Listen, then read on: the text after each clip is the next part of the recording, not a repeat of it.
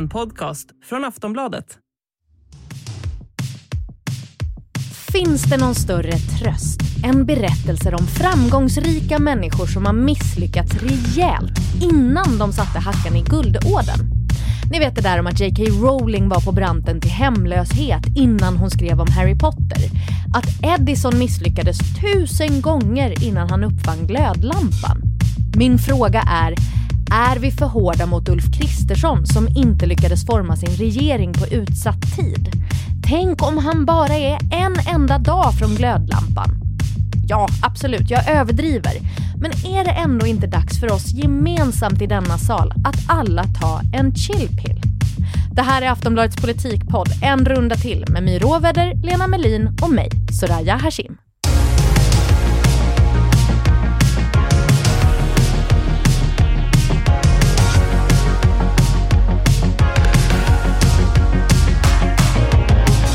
My och Lena, hej! Hej Soraya. Ska jag berätta vem som inte bildat regering i veckan? Ja, gör det. Ulf Kristersson. Igår var ju alltså hans dödlina för att bilda regering, men när han träffade talmannen för att berätta om resultatet så bad han om ytterligare två dagar för att, som han sa, ordna med de sista detaljerna. Efteråt så höll han presskonferens i riksdagen och jag såg alltid ett bakhuvud längst fram på första raden, Lena, när jag tittade på Mm, TV. jag var i tid den här gången. Och jag vet att du också var där My. Vad var er känsla när han sa orden från pulpeten?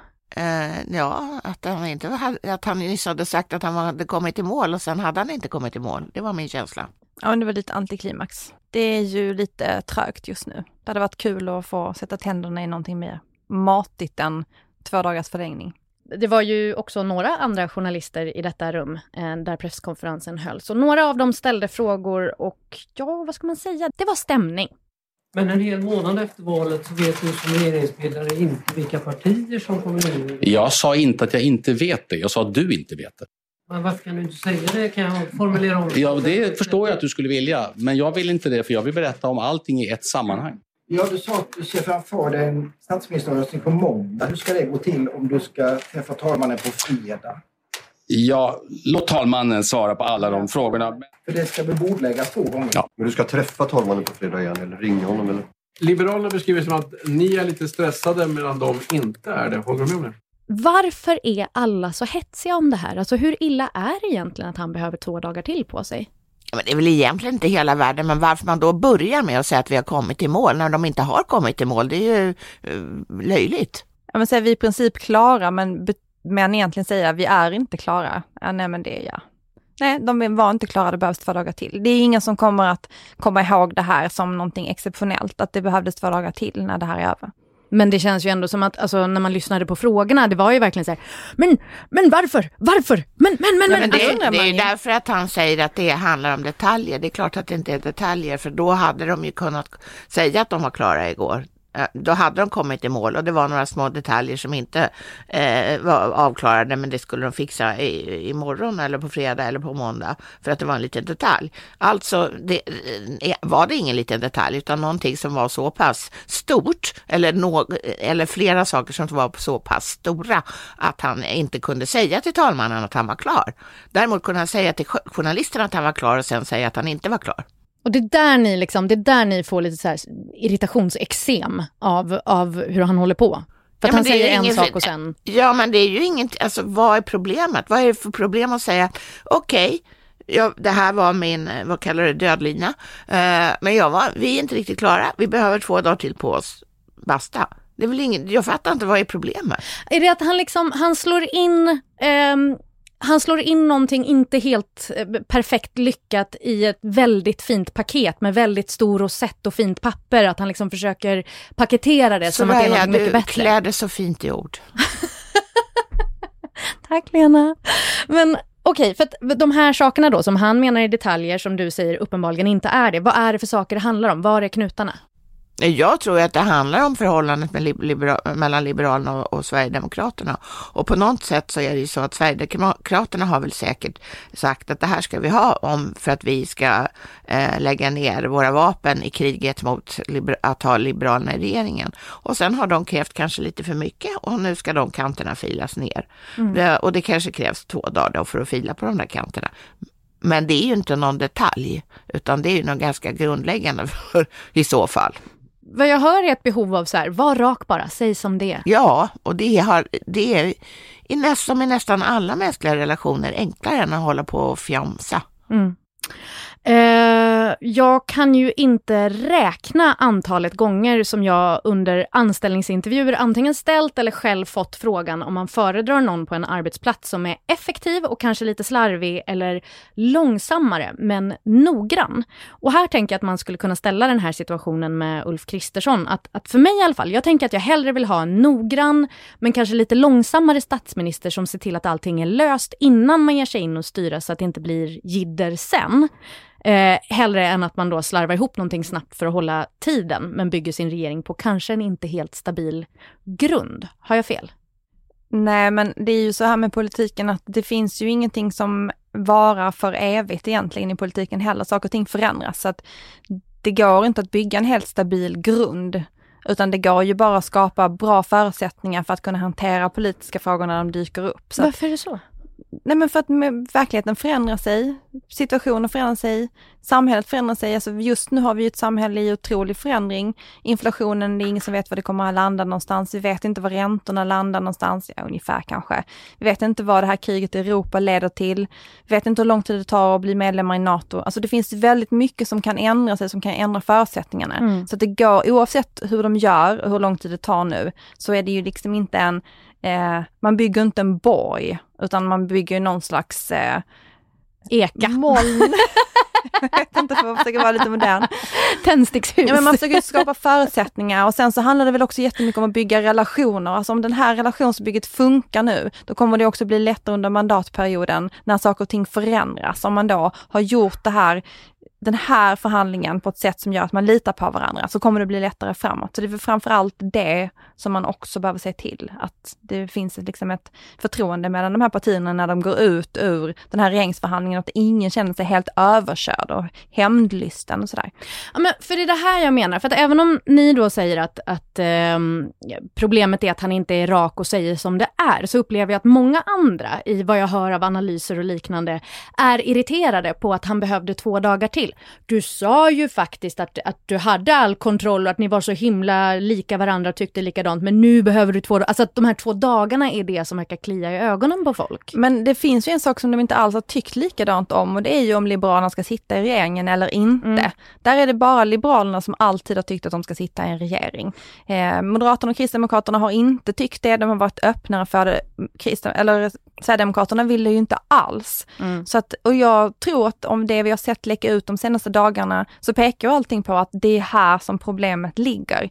Ska de sitta i regering eller inte? Mm. Jag tror att min känsla är bara, men två dagar, vem bryr Nej, sig? Nej, men jag håller med dig, men det, det är ju att, att, att, att, att Ulf Kristersson säger vi har kommit i mål och ja. så har han inte kommit i mål. Nej. Det är väldigt jobbigt. Nej, men jag att ha en människa som säger någonting som inte stämmer. Mm, nej men det, det håller jag med om. Det... Sen håller jag med om att två dagar hit eller dit kan inte vara eh, något särskilt viktigt. Nej, men, men det har ju nästan redan blivit ett meme det här med att man kan säga att vi är i princip klara när man absolut inte är klar. Det var lite som jag häromdagen när jag skulle till jobbet och de var så här, hej var är du? Jag kommer om tio minuter så jag. Men egentligen så hade jag ju inte ens bytt om efter min löprunda.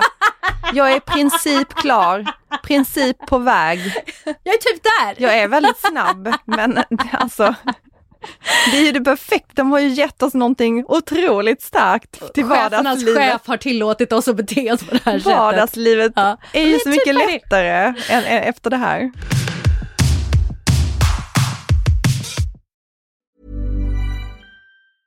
Ready to pop the question? The jewelers at BlueNile.com have got sparkle down to a science with beautiful lab-grown diamonds worthy of your most brilliant moments. Their lab grown diamonds are independently graded and guaranteed identical to natural diamonds, and they're ready to ship to your door. Go to Bluenile.com and use promo code LISTEN to get $50 off your purchase of $500 or more. That's code LISTEN at Bluenile.com for $50 off. Bluenile.com code LISTEN.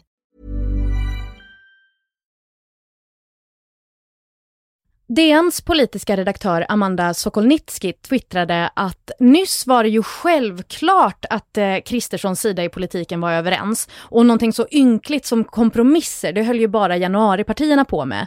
Men nu låter det mer självklart tar det tid att förhandla, det krävs faktiskt kompromisser. Att påstå någonting annat vore oseriöst, att alltså att det låter så från Ulf Kristerssons sida.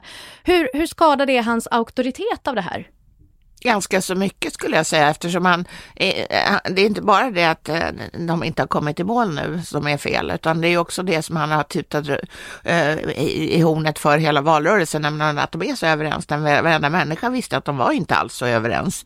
Idag har vi enats på min sida, på vår sida. Om min sida vinner och jag bildar regering efter valet på söndag, då blir det danska straff för svenska brottslingar. På vår sida kan vi ju enas om konkreta förslag. Och sen har han ju också sagt att vi får få någonting gjort. Ända så länge har han inte fått någonting gjort. Väldigt tråkigt. Känner du att förtroendet för hans liksom, förmåga att vara sanningsenlig är lite skadat här? Ja, alltså, jag måste säga att vad han än säger kommer jag att ta det med en stor nypa salt, för det kommer, inte, det, det, kommer förmodligen visa sig att det är icke med, med verkligheten överensstämmande. Mm. Känner du likadant My? Ja, men alltså det är ju också så här, Eh, det är ju lätt i en valrörelse att hålla på med osaklig gapighet, att påstå massa saker som inte stämmer. Men det är ju eh, svårare sen om verkligheten kommer ikapp.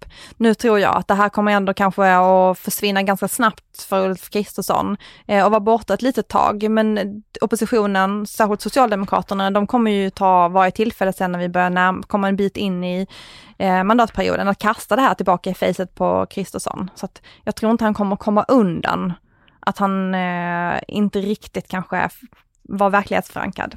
Inte 200 procent sant. Nej. Nej. Nej. men jag tror också att det vore väldigt bra för Ulf Kristersson om de inte offentliggör det här avtalet som ska vara så detaljerat som har slutits mellan de här partierna. Kommer de komma undan med att inte berätta vad ja, det var? Ja, han kan ju räcka med att han säger valda delar i regeringsförklaringen. Men kommer inte den läcka? Är det, är det inte det liksom en, en, en Ja, men jag tror att det vore i... bra för Ulf Kristersson att det inte kommer ut därför att det här, ett detaljerat avtal, precis som My sa förut, det kommer inte att motstå verklighetens prövningar, inte alls länge. Mm. Så kommer det att visa sig att det går inte. De borde bara trolla journalisterna och bara skriva fem punkter på en servett. Så hittar på. Servettskissen. Här har vi servettskissen. Ja. Men det är ju väldigt lite som har läckt från de här förhandlingarna och det är ju någonting som eh, vi har ju tolkat som positivt, att det antagligen gått rätt bra. Ni har ju hintat någon gång att eh, politiker generellt inte skvallrar till journalister när allt är som det ska. Men i veckan har det ändå kommit en del pushnotiser där det har stått enligt uppgift till, källor säger att. Och i tisdags så rapporterade svenskan att Liberalerna råkade klanta sig när de hade möte på sitt kansli. På en stor skärm som syntes från trapphuset så stod det bland annat Moderaterna är lite stressade, Liberalerna har ingen brådska. Samt textraden Ulf imorgon kolon, god ton, nära. Sen, sen, så upptäckte då pressekreteraren att reporten Maggie Strömberg kunde se skärmen och ställde sig i vägen liksom, och försökte så här, ta ner det. Det var inte bara hon, det var TV4 också var det som det? stod där och kunde ta en bild på hur det såg ut. Klassiker direkt. Vad betyder de här orden på skärmen? Vad tror ni? God ton, nära. Alltså det, det betyder att någon är ohyggligt naiv. Ja, förklara. Ja men alltså det där ska ju inte fästas på pränt och visas på stor nej, nej, det ska alltså, det, det, är så, det är så helt orimligt så att jag förstår inte att någon överhuvudtaget kommer på tanken. Nej, det är faktiskt ja. otroligt. Var det någon som var ny på jobbet? Ja, eller också oerhört dålig på jobbet. Mm. Var det inte Mats Persson, gruppledaren, som informerade riksdagsgruppen. Den säger väl också Kolla, kanske jag kan powerpoint. Att liber, var det ens en powerpoint? det är ju så avancerat att göra en powerpoint. Så jag tror inte ens att det var det. Jag tror det var bara ett word-dokument han hade satt upp. Nej men alltså det säger väl också en del om vad partiledningen har för förtroende för sin riksdagsgrupp i Liberalerna. Inte så mycket, inte ge dem så mycket information, utan bara liksom ge dem någonting du vet, noll Ja, vi vet noll inte vad det stod på de andra. Nej, det är precis sant. Men det här med att locket har varit så väldigt tätt slutet om förhandlingsburken. Eh, varken Ulf eller de andra inblandade parterna har ju knappt sagt någonting. Är det, är det det här vi kan vänta oss de kommande fyra åren? Ett liksom alldeles för tajt skruvat lock som man måste in med kniven under och pilla för att släppa vakuumet? Alltså när, när, man, när de här ingående partierna bakom januariavtalet, det förra januari, avtalet på svensk, inom svensk politik som sprack, eh, så eh, var det ju inte, kan jag säga, pratsamheten så enormt stor då heller. Utan mm. det är ju så att för det mesta så vet man ju väldigt lite om som, vad sådana här typer av förhandlingar innehåller. Mm. Men, uh, det har ju kommit en liten pushnotis medan vi har suttit här också. Mm. Att Johan Persson eh, säger till Expressen, kan inte lova Kristerssons stöd med ett dygn kvar till deadline. Jag hoppas vi kan nå dit. Alltså det är ju helt uppenbart att det är Liberalerna som sitter i en rävsax här eh, och inte vet riktigt vad som, hur de ska ta sig ur det och nu försöker de ju läcka lite för att få äga den här, alltså få äga debatten i alla fall, få visa att de är med. Okej, nu måste jag fråga som att jag är helt dum i huvudet, för jag är nog det i den här situationen. Alltså, problemet är att Liberalerna vill sitta i regering. Sverigedemokraterna vill inte att de gör det och det är det som är fighten här. Det är det som är liksom knuten. Alltså egentligen tror jag faktiskt inte att Sverigedemokraterna har så himla mycket emot det. Men de vill ha det som leverage. Ja, men de är ju jättebra liksom hävstång. Ja. Kommer de i efterhand berätta vad som var de här problemen som gjorde att de behövde två dagar till? Jag vet inte om de kommer att bry sig så mycket egentligen, för att egentligen, det skjuter ju bara upp det här med en dag egentligen i praktiken. Mm. Alltså regeringsbildningen blir, blir kanske då tisdag istället för måndag nästa vecka. Det är ju inte, alltså det är ju inte jättestora förändringar i, på liksom, tidsperspektivet egentligen. Mm. Men, om vi... Men det, alltså, det förutsätter ju att de kommer överens, annars är det ju sånt fruktansvärt nederlag ja, som man gud, ja. ja, ni tänker att det här ska hålla alltså, på i Alltså det är ett fiasko, ytterligare... tidernas fiasko faktiskt. Ja, det är det verkligen. Jag såg att Nooshi Dadgostar twittrade “Familjer kan inte betala sina räkningar och vård, skola, omsorg riskerar stora neddragningar. Samtidigt saknar Sverige regering. Högern lovade att få ordning på Sverige. Nu får de inte ens ordning på sitt regeringsunderlag. Som man brukar säga, stor i orden, liten på jorden. Vilket fick man bli lite nyfiken på det här med vad oppositionen gör i detta nu. Hur tror ni de laddar inför de kommande fyra åren? Alltså de är säkert laddade, men det finns ju ingen samlad opposition. Det kan ju bli så i vissa sakfrågor, men de partierna som finns på den liksom oppositionssidan nu, de har ju sina egna problem. Centern ska ha en partiledarstrid, Vänsterpartiet är i chock över att deras strategi inte funkade i valet, att mm. det inte gick så bra. Eh, Socialdemokraterna måste hantera att de inte ska regera, det är också en chock. Och jag har till och med glömt Miljöpartiet. Jag vet inte ens vad de Miljöpartiet håller på med. Vilka är de? Eh, de är fortfarande lyckliga över att de fick 5,1 procent. Ja, så nu är det de liksom, har det bra. Nu är det sådana här mm. orangea chockfiltar från landstinget på ja, men alla. Lite så. De måste så återhämta det kommer ju ta ett tag. Men sen har vi inte haft ett regeringsskifte ännu. Det är ju den främsta orsaken att det, allting är ju lite i limbo. Mm. Men kommer de komma tillbaka som ett gäng tillsammans? Inte som ett gäng tillsammans, det tror jag inte. Men det, de kan göra sak i vissa, alltså de kan göra gemensam sak i vissa sakfrågor mm. som de skulle kunna bli överens om. Men det är ju fortfarande så här att särskilt Centerpartiet är ju lite svårtillgängligt just nu för att de ska ju ha en partiledarstrid och de ska också välja någon slags, ha någon slags vägval här. Så att det kommer ju Alltså, en ny partiledare måste väljas och de måste ha liksom kommit en bit in på den där vägen som de har bestämt sig för. Innan det går att samla in dem tror jag i en gemensam opposition. Jag är lite besviken för jag tänker ändå att så här, de här partierna hade kunnat gå tillsammans som ett gäng, liksom så här, synkronisera sina klockor, ha möten i grottan, gå ut, det göra grejer. Det är inte demokrati. Nej men att, att så här, nu, nu samlar vi oss, nu gör vi det bästa av situationen. Nu, det du beskriver är spillror. Alltså... Men det är, det är också så att när partier går från att ha så att säga, regeringsansvar i någon form, eh, antingen som underlag eller som regeringsparti, och sen till oppositionsrollen, så, se, så ser ju många det som ett tillfälle att så att säga restaurera den egna e-, organisationen. Och jag tror att eh, det är klart att de inte kommer att sluta opponera, eller börja, eh, de kommer att opponera såklart, men en viss del av intresset inom partiet kommer också ägnas åt att, så att säga, bygga upp det på nytt efter de har dränerats av maktinnehavet. För det, så är det alltid. Komma de... tillbaka starkare. Mm. Ja.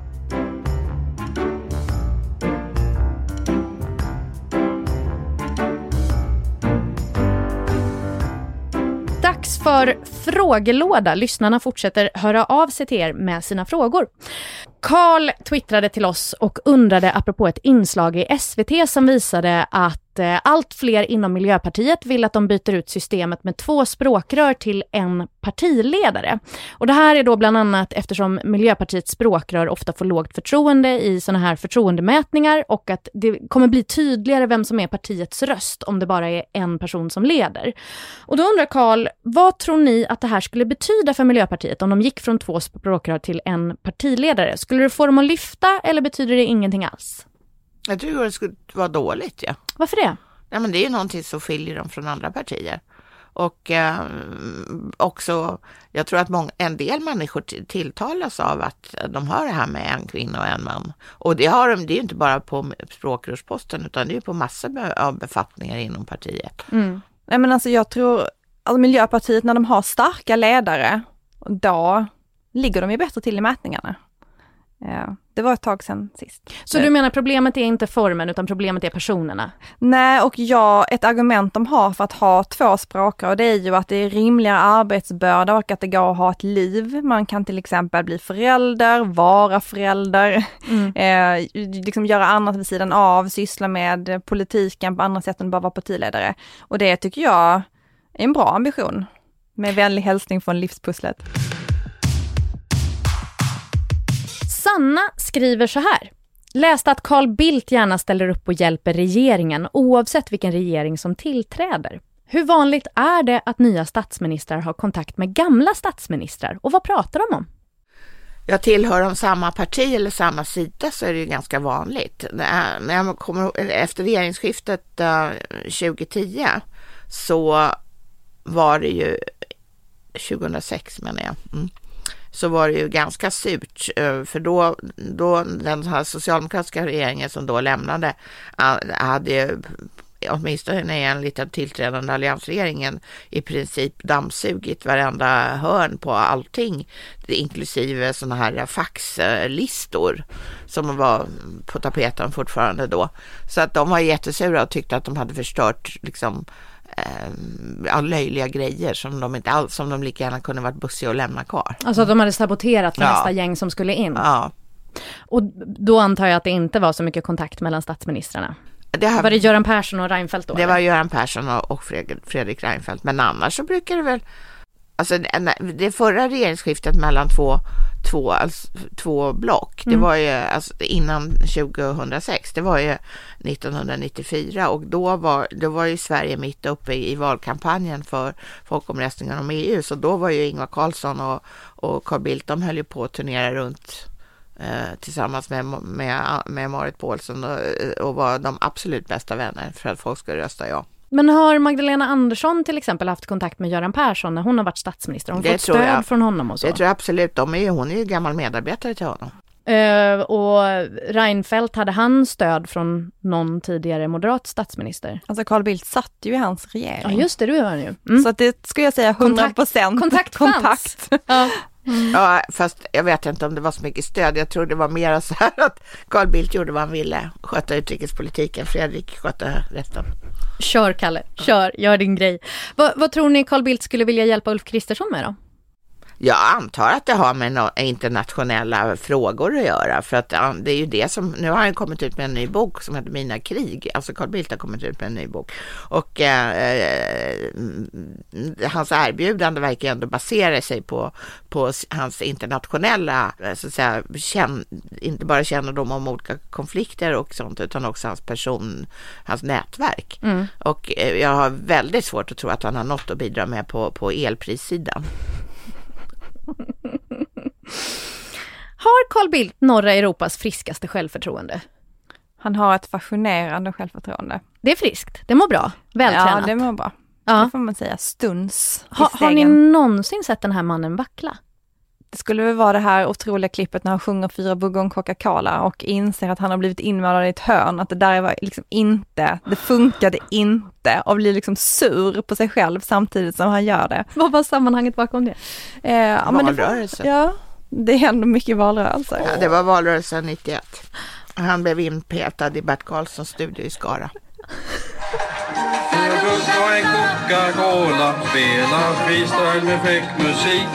Fyra bugg och en Coca-Cola Av sommar och romantik Nu måste jag berätta om en otroligt ovidkommande grej. Mm. Där han inte, verkligen var klantig. Det var när han var statsminister. Och eh, det visade sig när jag intervjuade honom att han eh, inte visste vad Bingolotto var. Eller han hade väldigt klena be- begrepp om vad Bingolotto var. Det var ett tv-program som samlade halva svenska folket Mm. på veckoslutet. Och så nästa dag så skickades um, ett annat team upp till till Carl Bildt som skulle lära honom att spela Bingolotto. För att det var ju nödvändigt att statsministern visste vad befolkningen ägnar sig åt eh, så till en milda grad som just Bingolotto. Och eh, då, då försökte de, då tänkte de att det är lika bra att vi börjar från början så de sa så här Ja, men då, om, om man säger B12 då sätter du kryss här. Och då, till, då liksom brast det för honom och sa jag är inte hur dum som helst. Hur kommer det sig att han inte visste någonting om Bingolotto? Alltså, Nej, vad säger han om honom som person? eh, ja, han sa Loket, vem är det? Eller det var programledaren, Leif Ja. Loket Olsson. Nej men ja, han, han är inte intresserad av sånt där. Hörni, tack så jättemycket My och Lena, mina vänner. Tack för idag. Tack. Tack själv. Vi som har gjort det här programmet är producent Olivia Svensson, experter My Råväder och Lena Melin och jag heter Soraya Hashim. Tack och hej!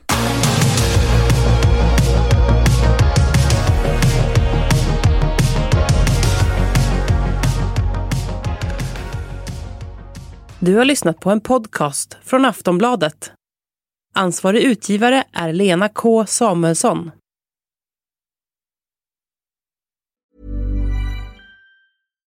Millions of people have lost weight with personalized plans from Noom, like Evan, who can't stand salads and still lost 50 pounds. Salads, generally, for most people, are the easy button, right? For me, that wasn't an option. I never really was a salad guy. That's just not who I am. But Noom worked for me. Get your personalized plan today at Noom.com. Real Noom user compensated to provide their story. In four weeks, the typical Noom user can expect to lose one to two pounds per week. Individual results may vary.